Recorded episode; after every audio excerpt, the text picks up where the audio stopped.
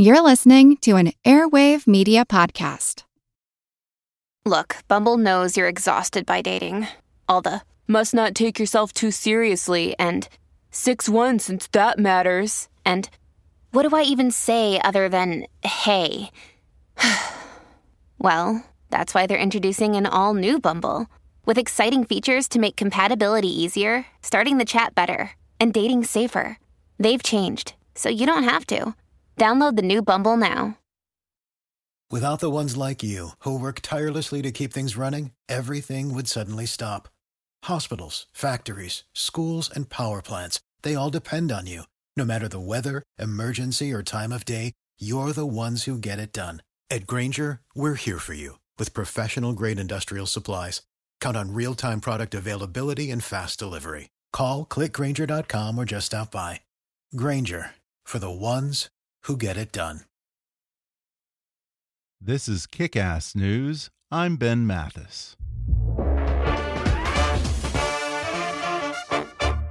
If you're an entrepreneur, a small business owner, or even if you have a side gig, let me introduce you to Grasshopper, the entrepreneur's phone system. Grasshopper lets you send and receive calls and texts from your new business phone number. That way, you can run your business from anywhere and respond to clients quickly with Grasshopper's mobile apps. Grasshopper, sign up today. Go to grasshopper.com/kick to get $20 off your first month. That's grasshopper.com slash kick. And now, enjoy the podcast.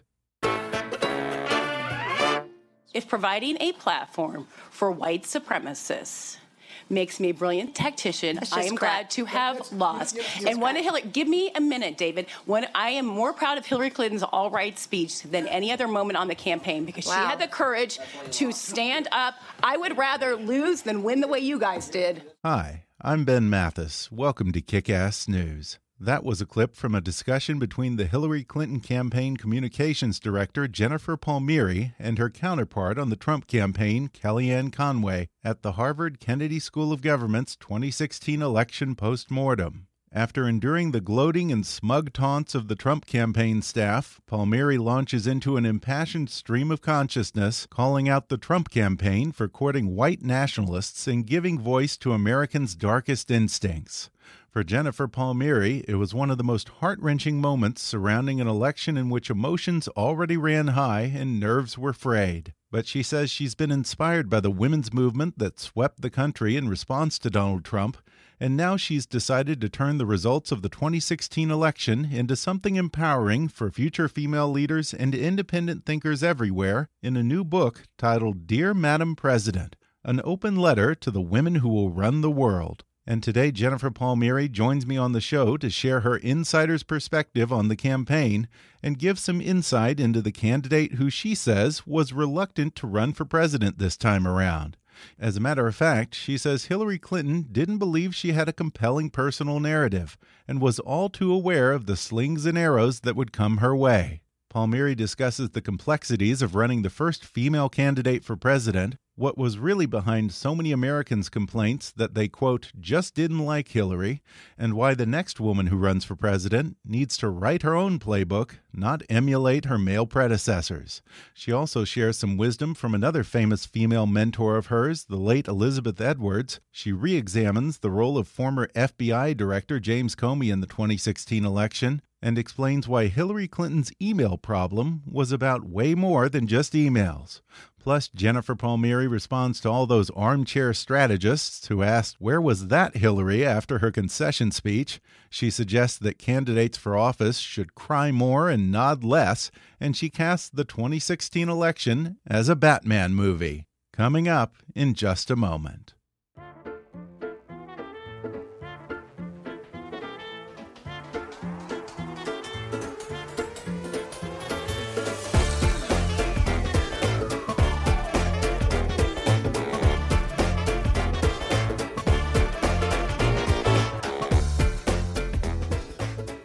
Jennifer Palmieri was Director of Communications for Hillary Clinton's 2016 presidential campaign. Prior to that, she worked in the Clinton White House, was the national press secretary for the 2004 John Edwards presidential campaign and for the Democratic National Committee, and served as White House communications director for President Barack Obama. She's currently president of the Center for American Progress Action Fund, and she's written a new book titled Dear Madam President An Open Letter to the Women Who Will Run the World. Jennifer Palmieri, welcome to the podcast. Yeah, I'm really excited to be here. Thanks for having me. So it's Palmieri, it's not Palmieri? That uh, it is. My family pronounces it Palmieri. Okay. Although the correct, the Italian way would be Palmieri. Okay. Me, me, airy. It's just, it's it's kind of a it's a mouthful. Yeah, I, I don't know what it is about me, but I always have this terrible habit of arguing with people about the pronunciation of their Italian last name. I did that to Steve Buscemi just the other day as well, which apparently is supposed to be pronounced Buscemi. Yeah, because the that that's it's different than in English. That that C, one C in yeah, Italian the is C's the it's a hard C, yeah. and that is not what we expect to find. Well, when I first heard the title of your new book, Dear Madam President, I assumed you were addressing Hillary Clinton, maybe in some alternative reality where we don't have a narcissist in the White House and don't have to worry about our geopolitical enemy maybe calling the shots here in America. Um, would that that were the case, but that sounds appealing. It, yeah. It's not actually written to Hillary Clinton. So, who is your audience for this book? My audience actually, um, I, I, I very consciously wanted to write something that was forward looking and optimistic that was based on lessons that I learned in 2016 and also just as a woman who's been working in politics for a long time. But my audience was young women, um, you know, girls in high school, young women in college, uh, young women entering the workforce. And I called it. Dear Madam President, you know, my orientation is politics. That to me, that's the ultimate goal someone can read, just be president of the United States. But I, I wanted whoever was reading the book to open it as a letter to them uh, with the assumption that they have achieved whatever their greatest dream is. And um, I found that you know, it was a for me after the after Hillary lost, it was a very devastating. Obviously, it was some yeah. devastating days, and I, I think imagine. Yeah, yeah, and it, I think, and as it, you know, as it was for a lot of people yeah. in the country, and but uh, an interesting thing happened shortly after the election, which is I think women decided, uh, rather than to be devastated, that they were going to uh, take this as a moment to feel empowered and lead in a different way. And that book is is about imagining what that might be like for you. Yeah, and this does seem to be a seminal moment for women with the Women's March and the Time's Up movement. Yeah. Um, do you think Hillary deserves some of the credit for that? I don't know that she needs credit. I don't think that uh, you know she doesn't. I don't think it's not what she's in it for. It, yeah, I think that. But do you think that that was part of the well? I think I, I think it's a reaction. I do think it's a reaction to Trump, right? Mm -hmm. I think that. Right. So, um, what what what it felt like to me was that, um, and, and you know, with with it, Hillary very similar to other women in her generation, baby boomer generation. Yeah. She had to prove that she could do the job just the same as anyone who had the job before her, which is any man that had the job before her. And um, I think that you know that was true across the board for women in different professions of her generation. And we did that, you know, and we ran her to show that she had the qualities you look for in a male president. But that sort of reduces her to this like female facsimile for the mm-hmm. qualities look for a male president. That was a fundamental flaw in the design. Mm-hmm. And I couldn't imagine any other way because that's the only model that's that all we you have. Had. That's yeah. all we that's all we have. And I think after she lost, women had to decide, okay, either the man Donald Trump was meant to win in America, or the rules that we have been playing by are outdated.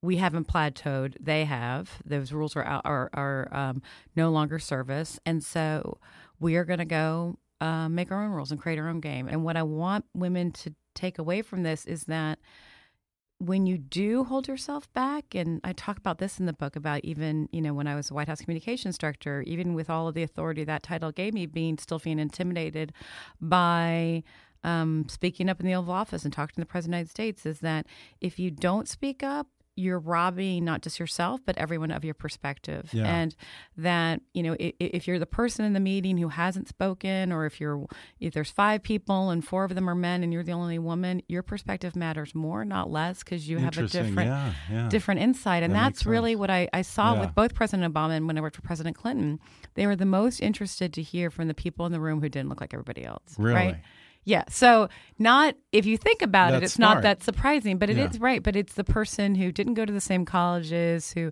particularly women, particularly women of color or men of color, that they they would have something that would the, that the president, either Obama or Clinton, would draw the most insight from, and that is, um, you know, there's things that we're told as women are professional and not professional to do. And you know i i look at that now and i think when you tell me something i do something i do in the workplace isn't professional it's because you think that's not what men normally do right? Yeah, so it's yeah. it's it's like uh, crying. like crying. I You- yes you i have say, a whole "Don't be afraid to chapter. don't be afraid to cry. I'm not i don't sob at work but i am easily moved to tears because i say something that's important to me and it might move Yeah. me to tears or i hear something that's moving and um, that I, you know, I don't think that women should need to mute all of our emotions and passions. I don't think anyone looks at America today and says we have all the tools we need to make it great. But isn't that a risky choice for any candidate, not just a woman? To cry, Yeah.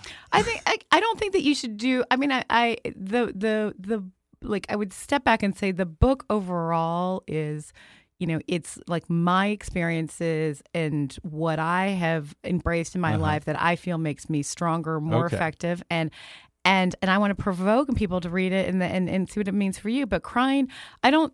As I said, I don't sob at work, but I don't Yeah. think that you know. Sometimes women need to cry to let off steam. Sometimes men do it because they're angry, they're frustrated.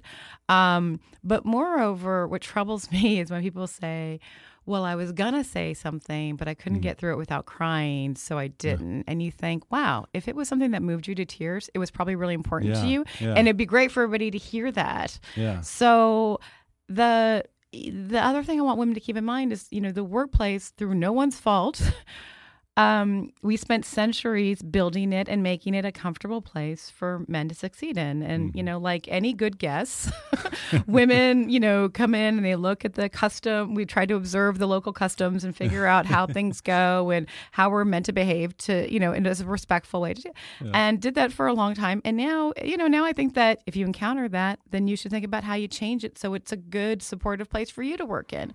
Um, and you know the same with looking for your story to be represented in the press. Sometimes that doesn't happen too. So what I see instead is women going out and starting their own podcasts, women going out starting their own platforms, their own. Mm-hmm. You know Yeah. that's it. It um, don't complain that nobody Yeah. covered the women's march. Go out and you know stop looking for cable news to care about that. Go start something new. Yeah. And I think it's women can be intimidated by that because it's more comfortable to be in a world you know.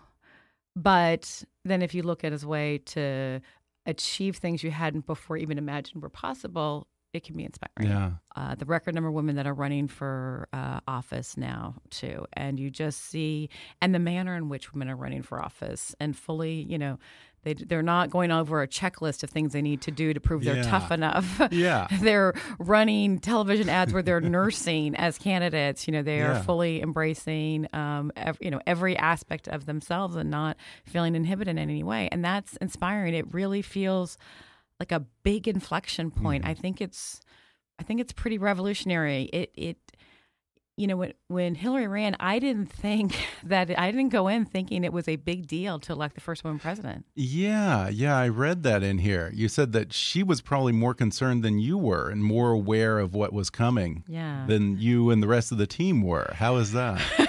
How is that? How I mean, looking now, I feel so foolish, but.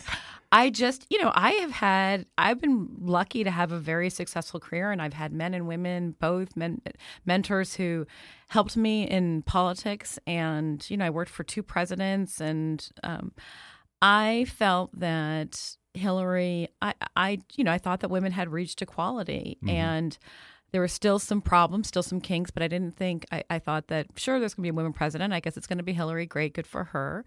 But my focus in joining the campaign was I just wanted to make sure she got elected because I thought she was the best person for the job. And I didn't see the complexities yeah. that were inherent in running so, a woman. So or gender didn't even really enter enter your mind as much. No, I mean, was, obviously it's there, but it's there. It's like it's like the fourth thing, mm-hmm. right? Yeah, I thought it's going to be hard yeah. because um, because we're Democrats are going for a third term. It's going to be hard because right. there's a the economy is not doing as well as it could, and people have not, particularly on the you know lower uh, incomes, have not you know no the wages still have continued to grow, and then mm. and there's all the stuff that hangs around Hillary, and fourth, it's the first woman. But uh, I didn't see how uh, that would that or, or didn't comprehend that it's actually revolutionary still yeah. historically speaking, for a woman to be in charge. The constant complaint about Hillary that you got was this vague feeling of, as you say in the book, there's something I just don't like about Hillary Clinton, or there's something I don't trust about her. Uh, do you think that was code for something else? I do. And I don't think, and it doesn't, I hesitate to use the word code because that suggests that the person who says it is consciously holding a right. sexist bias. Yeah. And I yeah. really don't think that's what it's about. I don't think that everybody who says, you know, Hillary, I don't know, there's just something about her I just don't like, or I don't think all those people um, uh, are sexist, or they just, it's just that we have, you know, carry in our heads uh, certain models for how we expect women to behave mm-hmm. and and I think the thing with Hillary which which it took me a while you know it was probably like a year into the campaign that this just became more clear to me is she's always been someone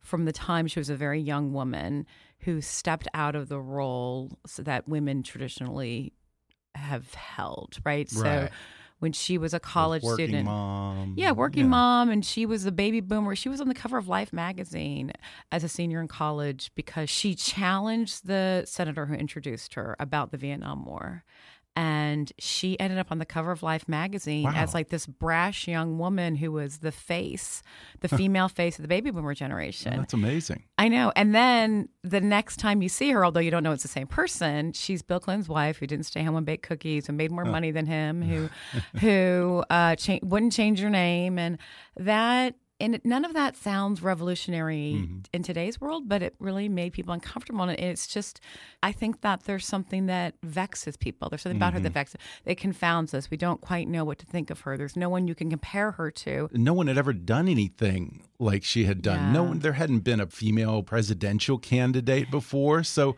yeah. of course there was some kind of a, cognitive disconnect or mm-hmm. a discomfort with something that's entirely new. Yeah, and that was part of what was at the root of that something I don't like, like about her, her yeah, yeah. something and, I don't trust because it was just unfamiliar. Just unfamiliar, and also I think for uh, a lot of for men and women both, but um, but you know also you know uniquely for women, they felt there was not much about her they could relate to because her mm. experience and her life was so. Um, uh, there's you know there's not anyone literally anyone in the mm. world who has done what she had, and people thought, well, you know, I I, I could never accomplish that. I could never do that. I never. Um, so there's just she just didn't make sense to people, yeah. and I think maybe this is what the first woman going going through this process sort of revealed. You know, for us, where we still have fissures and and some gaps to fill. Yeah, and you say that she was pretty much already aware of all these yeah. things, and she was actually reluctant to get into the race. Now that completely goes against, you know, everyone's impression that mm. she's this ambitious go-getter who has wanted to be president since she was a little kid. Right? Why was she reluctant? She, I think, because she'd been Hillary Clinton her whole life, mm -hmm. and so she's no, she knows and she sat me down on my first day in the campaign to sort of spell out just like all the 25 years prior and how her interaction with the press and public and things she tried and you know um, sometimes the press liked her sometimes they didn't. And you know she would you know sometimes a particular style would work and then it wouldn't. And um, uh, all of the you know ups and downs of all of the different campaigns she'd been involved in. And she was just it was it was really poignant because she mm. just she said you know i'm a simple and serious person and i'm just I just don't understand why I provoke such rage in people. And um, I laughed when she said she's a simple and serious person because you know she's also she is I, she's also you know brilliant and she's very warm and funny and she's a very she's an extraordinarily loyal friend. But I get you know she's simple in that she's really direct. And the weird thing, the funny thing is like as much abuse as she gets about being inauthentic, the truth is she's terrible at faking it. You know she's ter- like you know? yeah, I remember you saying that in the book, and that rings true to me when I look back at all of the debate coverage. I mean, she right? couldn't hide her reactions to these insane things coming out of her opponent's mouth. Or the was... press ask her a question that she thinks is stupid, it just yeah. sh- like you know the look I'm talking about. It just shows all over her face. So this, so she she was reluctant to get in because she, you know, I think she's the least surprised that she lost mm-hmm. um, mm. of all of us. Wow. But she was convinced that she could she was the person who was probably best positioned to win that was you know her belief i think that was right um and and she had faith in her ability to do the job. Mm-hmm. And some readers of Dear Madam President might also be surprised to learn that when Hillary Clinton was considering how to frame her campaign and how she wanted to do her announcement, you say she didn't think that her personal story was very compelling. Now, this is in spite of the fact she's the first female candidate for president, battle tested through myriad of crises and personal attacks, Secretary of State how could she not think that her story was interesting? Isn't it funny? But yeah. I thought I agreed with her though. I mean, it, I really.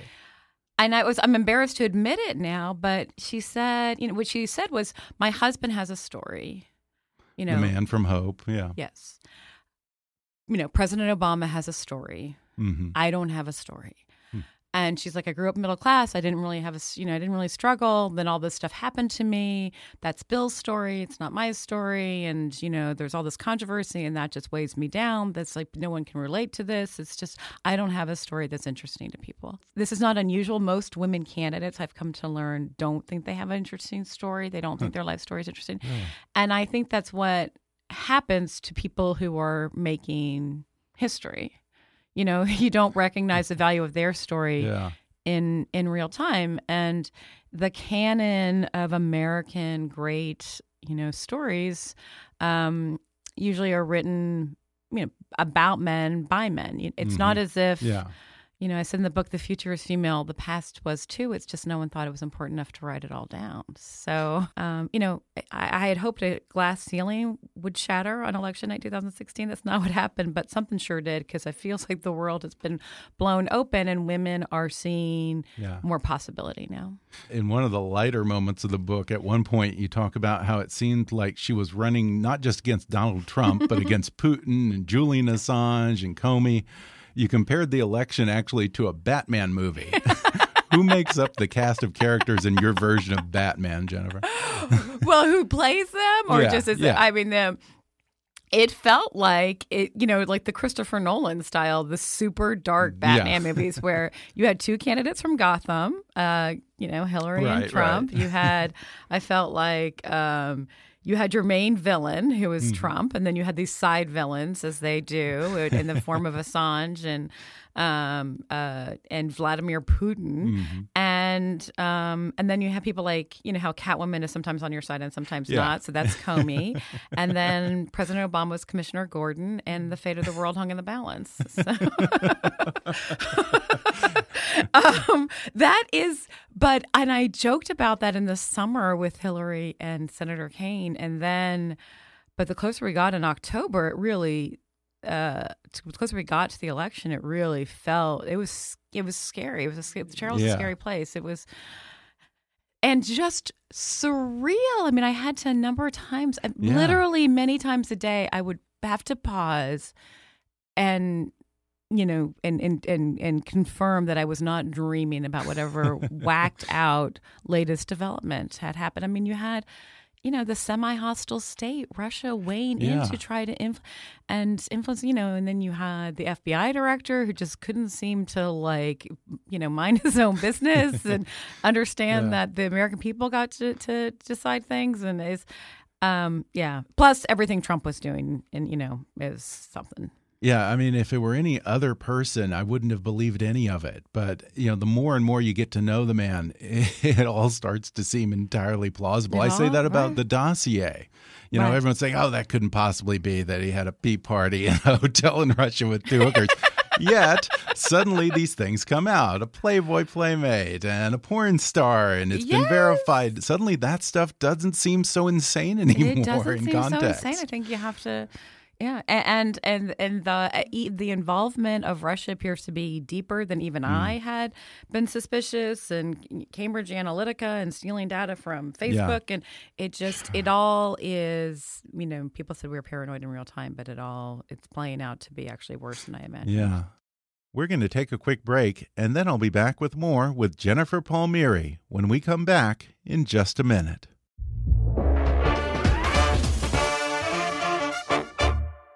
If you're a business owner, things like email and software ought to be easy, right? Not something you have to spend your days thinking about. And you sure don't want to worry about hackers and spammers infecting your system, stealing your data, and holding it hostage. That's what makes AppRiver a great choice, especially for companies that don't have an IT department. For small and mid sized businesses, AppRiver can be your IT team, or at least free up your computer nerds to do things that actually make you money. With AppRiver, you can get email, spam and virus filtering, email encryption, archiving, and compliance solutions. They can secure your email on your servers or just handle it for you with Office 365 or Hosted Exchange. Their services are all cloud based, so you pay a subscription instead of buying hardware, software, and licenses. Try any of their services free, cancel anytime, and know that their US based phenomenal care is available all day, every day. Ready to make IT easy? Visit appriver.com slash kickass and try any of their services free. That's appriver.com slash kickass. And now, back to the podcast. Well, I want to ask you about Hillary's emails one more time, oh, just oh, great. for the hell Please, of it. Here. by all means, let's do it. You know, when that came out, I never expected that it would matter. This issue of a private server or emails was going to stick with voters because it just seemed to me it's too complex and technical. I didn't see any nefarious intent on her part, and mm -hmm. to me, mm-hmm. it just seemed like much ado about nothing. So, why, in your estimation, did the email issue hang around her like this rain cloud following Charlie Brown throughout the, the well, whole election? God bless you, but you are unique in your takeaway. Yeah, was, yeah. um, it. Uh, I think that that was. I think the emails was the issue that we're in, in which uh, we saw manifested uh, some unease people still have about um, women and ambition. Um, mm. And again, like I always want to say, like I don't think that this is conscious. I think you know gender bias isn't gender bias. I think that we all hold these things in our in our head, and it. I, I think that because because what what seemed to me to be at the root of that was suspicion about her motivations. Okay. Right. It was always, right. you know, so well, you know, why did she do this? Well, it's legal. Usual conspiracies around her. Right. So it's like, well, why did she use this personal email? Like, well, other campus secretaries did. It actually was allowed. It's like, yeah. well, why did she do it? Well, it was like more convenient. Well, why did she have a personal server? Well, her husband's former president of the United States. The government had provided him with a personal server. If your spouse had a server, you probably would use it too.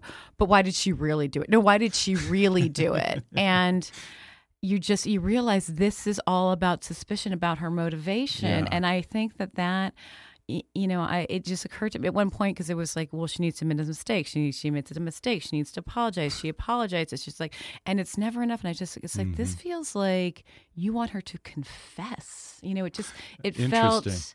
I felt like it felt, to you the, know, it's like like the like to the private server or to the murders to the to the which one to the private server to like to? it was it was you know it just felt like it just occurred to me that you're never no one people are not going to be satisfied with the answer because they want it was you know it felt like this feels yeah. like the witch trials that yeah. there's motive and, and I, I think that it's it is you know this question of you know when this is it's true for women in power is uh, unease about why they're doing mm-hmm. this and why they're seeking it. And you know, any pollster who works for a woman candidate will tell you that the questions people when voters have about women are different. They they're they're you know you really have to explain why you're motivated to be in the mm-hmm. race, and we would always have to position everything that Hillary did as being in service to others. Yeah. yeah, it's interesting that you say that you know she constantly felt like she was in the position of having to explain this over and over again, and the answer was never good enough. Yeah, because in the book you say she actually wanted to keep addressing the issue of the FBI investigation in her speech once it was reopened by James Comey. yeah. Um, but the team convinced her to address it and then move on and stay on message, which right. is total politics 101. Right. You know, if you're playing defense, then you're losing. Blah, blah, blah. In retrospect, yeah. do you think that she was right? She should have kept pushing back against the investigation? I do, because this is, you know, as you noted uh, at the end of the campaign. And, you know, it seemed impossible that the, that the, that the right advice you would give her at the time was, by all means, let's continue to, let's end the campaign talking about emails. that would be amazing. So it seemed that couldn't possibly be the right advice for her. But the truth is, she could tell it was on everybody's minds. People had questions about it, and she felt like she should have, you know, had addressed. And I, I think that that, you know, to me, Donald Trump is the you know, Donald Trump came to the industry of politics and democracy to prove to all of us that it is broken. Mm-hmm. Right? He is like Uber come to taxi yeah. drivers. he, you know, I really believe this that so um, this, you know, there are all these rules in politics about, you know, you don't respond to attacks because that just draws more attention to them, and and you have to stay on message and talk about the economy and not about whatever is in the press. And you know, mm-hmm. what I found was she couldn't be heard about the economy because people because the press was focused on emails or what, and, and, and you can't ignore what's being talked about in the public square because people have questions and yeah. then they wonder. If you don't respond you look evasive. And um, so i think we're in the middle of revolutions in many parts of our society and politics is certainly one of them. And i hope that you know what seems to be um, uh, what seems to be rising in the uh, country is a sense of, you know, citizen engagement in in in you know uh, you know in profound numbers, new kinds of candidates, and uh, you know people like Beto O'Rourke running in Texas, um, you know, very grassroots style campaign, um, very close to the ground. I think that's what the future is. Yeah, you described the 2016 election as a reckoning of sorts. Mm -hmm. um, at the time, did you or anyone in the campaign see some rumblings of this sea change coming? Every single day. Really? Every single no day. You saw something that told you Donald Trump could win. Mm. I mean, from March 20th, 2015, when I first joined the race, to November 8th, 2016, when we lost it. I mean, really? it, um, and just, it was not like anything I had ever seen before. Um, and it did feel to me, and it was very disturbing because it, it felt like all of these frustrations that had been roiling under the surface because of a number of factors, including, you know, incredible disruption and change, two wars, 9 11, wages not growing, big demographic changes, a digital economy.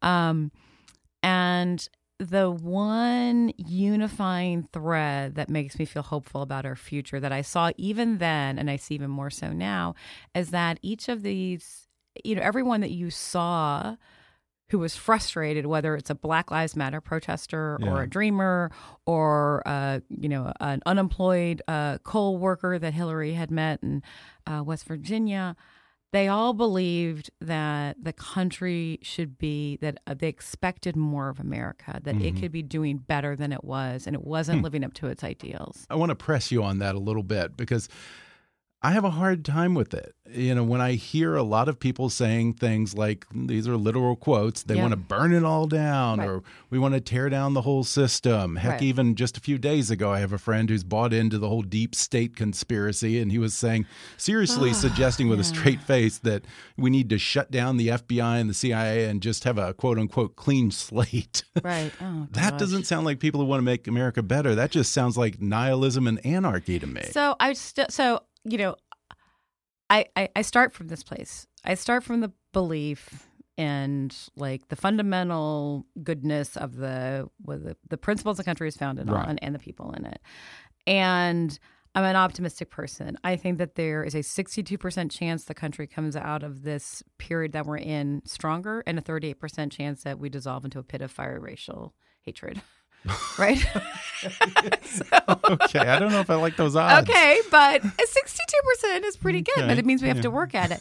So if you if you believe, and that's why I call the book "Dear Madam President" because I want the person reading it to think there is a positive outcome here. Mm-hmm. So if you believe that the country is going to survive this, where do you start? So what I see what I what I look for in these different groups of people who are frustrated is what's one core thing and I think it's like they all believe that America can be better than it is now that mm-hmm. it's not right so your friend right. who wants to you know he's got a great idea he wants right. to get rid of the fbi and start over because that's going to make it but okay. it's so make america great again well Still, it's it's it like it, within that definition. it does but i mean i mean somehow. i think it means it's like it's not living up to the promise yeah. that I thought this country was okay. going to be. Okay. And it's like so you you think it should be something that is capable of being more and better than than it is. And I think that a mistake of people like me and to some degree in our campaign although by the time we tried to you know we got there and started trying to talk to people it was too late for them to hear you. Mm-hmm. But you know presidential candidates have to listen to everyone. You got to have a solution for everyone. You got to make sure that everyone in America understands that you think they belong here and have a place um, and that there is some that they can see, recognize, imagine where they fit in in the future of the country. And then I think people can stop pitting themselves against each other. But that's, you know, I think that we were just due for this reckoning. Mm.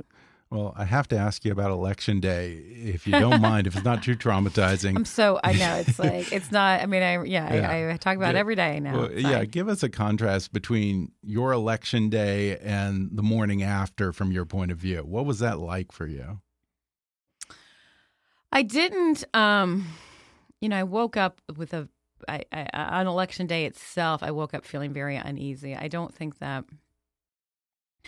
it was because I I, I wasn't worried we were going to lose. Um, uh, you know, it's uh, I I just at the end of a hard effort, I often feel. Uh, the stress that I've been holding off will like demand its due at the end, and I, I had a terrible feeling that day. Um, I also had a very I had a terminally ill sister that was expected to die at any, literally at, mm. at any moment. So wow. that was a hard day. Um, but as hard as that day actually was, um, weirdly for me to face, uh, the morning after, and I, I describe this in pretty stark detail in the book because I, I want I think a lot of people feel felt experienced the same way I did, even though they weren't part of the campaign. And I want those people to recognize their story in my book. Like mm-hmm. you're not alone. A lot of people yeah. felt this way.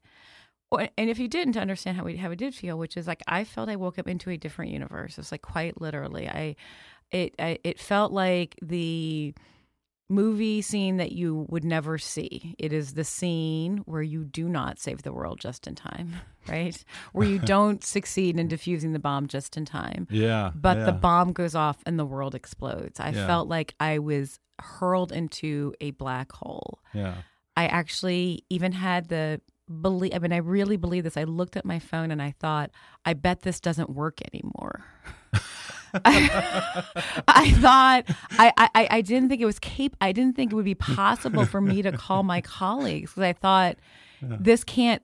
I'm just that's like how disoriented yeah. it felt to me. Yeah. And I think for a lot of people, I think uh, it's crazy to say this, maybe, and maybe it's inappropriate, but I think there are a lot of people who would equate it to how they felt after 9 11.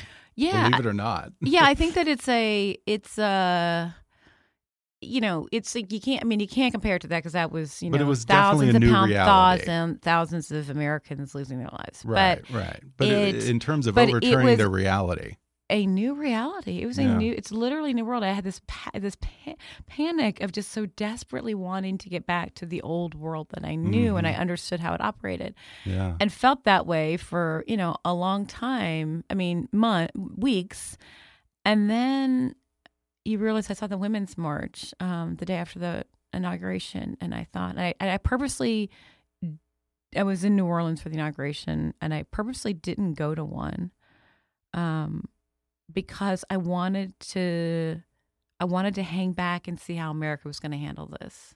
And I wanted to like take my hands off the wheel. yeah. And and that's kind of what you're doing with this book. Yeah. And I and and and then I saw what happened and I was amazed and I was mm-hmm. so relieved that you know, he his election was a big action, but there was a big reaction to mm-hmm. it, and that was when I first started thinking about taking these lessons and bringing them into a positive space because I was so uh, intrigued and relieved that women's reaction wasn't to be crushed, but to start fighting back, and they believe they knew that they deserved and could have more than they did in that mm-hmm. moment. And it's been remarkable to see. And it's like, I, I, want this book to be like a handbook, a guide for those women. I had so many of them in my mind, the, you know, middle aged women who march or mm-hmm. young women who march or high school girls who are like, what do you mean that guy won? And what does that mean for me? And, you know, women who came before me. Um, and it's like a love letter to all of them. yeah. That uh, you were right to have those doubts in your mind for your whole life about, well, I'm not really sure that this these are the right rules for me. They're not. They weren't made for you. So go make your own. And another woman that has a profound impact on you was the late Elizabeth Edwards. Mm -hmm. um, she did something with a whiteboard, a chalkboard, yeah. that really changed your own perspective on life. Tell us a little about that. Um, so Elizabeth, so this is the wife of John Edwards, um, right. and um, we became good friends and I had worked for him on the 2004 presidential campaign. And she, you know, she had a lot of tragedy in her life. She lost a son at age 16 when he was 16, um, her son Wade. Um, I've learned it's very important when people lose a child to always say the child's name. So I just, for listeners that don't know that, it's a, it's an important life lesson. Um, and and then she, you know, had her own uh, very public troubles with her marriage, and and eventually got cancer herself. And um, she told me that after Wade died, she had imagined that her life was like a chalkboard, which everything that she had to do, wanted to do, needed to do, worried about was scribbled up in tiny letters on this chalkboard, and every inch of it was taken up. And then uh, she lost Wade, and the entire board was wiped clean. Mm. And she let it sit empty for a long time because she's like, when that happens, you want to be really deliberate about what you put back up on that board because you really yeah. want it to matter. And I thought I, and she decided she was very deliberate about thinking, how am I going to bring joy back into my life? Which I just love that concept because she was so willful. She thought that she could will joy back into her life.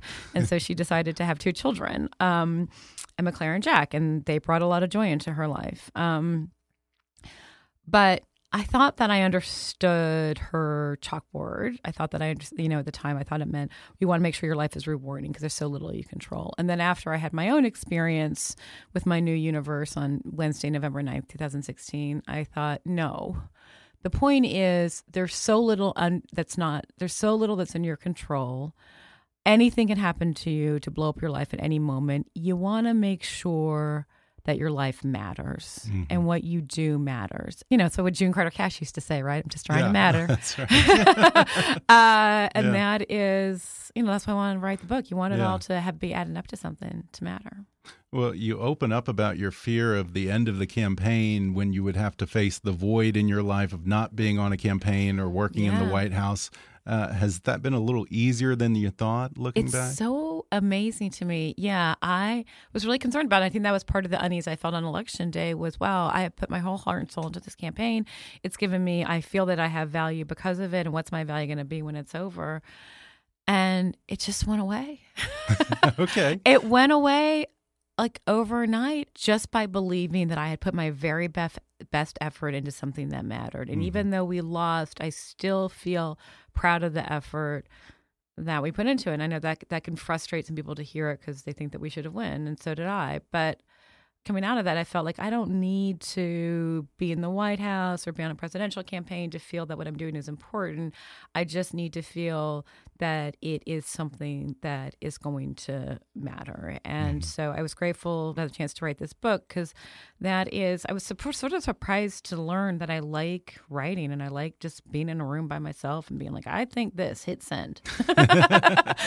no, not 18 people get to look at it and yeah, review it yeah. and wordsmith it. and that to me feels like that, you know, like that was really rewarding yeah. and that, and that matters. So I have been freed from that uh, you know, there's other concerns. It's good. Well, hopefully this will be the first of many. I hope so. Yeah, it's it's. I mean, it's it.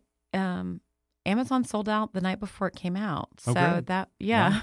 That's a good sign. Yeah, it's good. It was the number two selling nonfiction Evil book. of the Amazon. Washington Post, Jeff Bezos. Yes, yes. Of course, it's of sold out. Of course, it's There's sold a out. conspiracy There's there. a conspiracy. I don't know. Well, before we go, real quickly, I just have to ask there's no love lost between the Hillary campaign and James Comey. Have the events since the election maybe softened your opinion of Comey a little? So I don't have I like don't hold a lot of hate in my heart and I don't Yeah. have so so I just think with Comey I think that he was I think he was too interested in I think he he looks I know he looks at it as he was trying to protect the integrity of the FBI Mm-hmm. and I think he was trying to protect his own reputation and he took extraordinary steps that are outside of the realm of how the FBI normally and is supposed to behave because he thought he knew better yeah.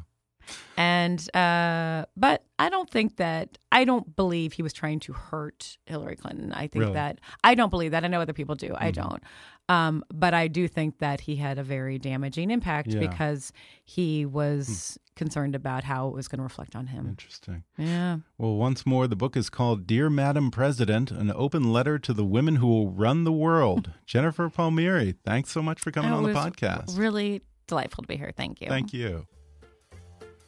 Thanks again to Jennifer Palmieri for coming on the podcast. Order her book, Dear Madam President An Open Letter to the Women Who Will Run the World on Amazon or download the audio version at audible.com. And follow Jennifer on Twitter at, at JMPalmieri. If you haven't already, be sure to subscribe to Kickass News on iTunes and leave us a review.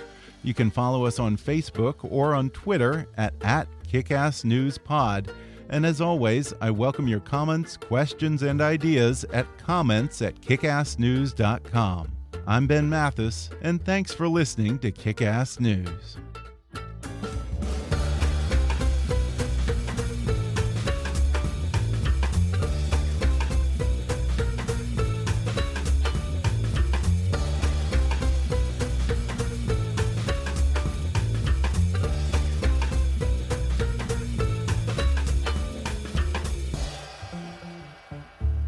Kickass News is a trademark of Mathis Entertainment, Inc.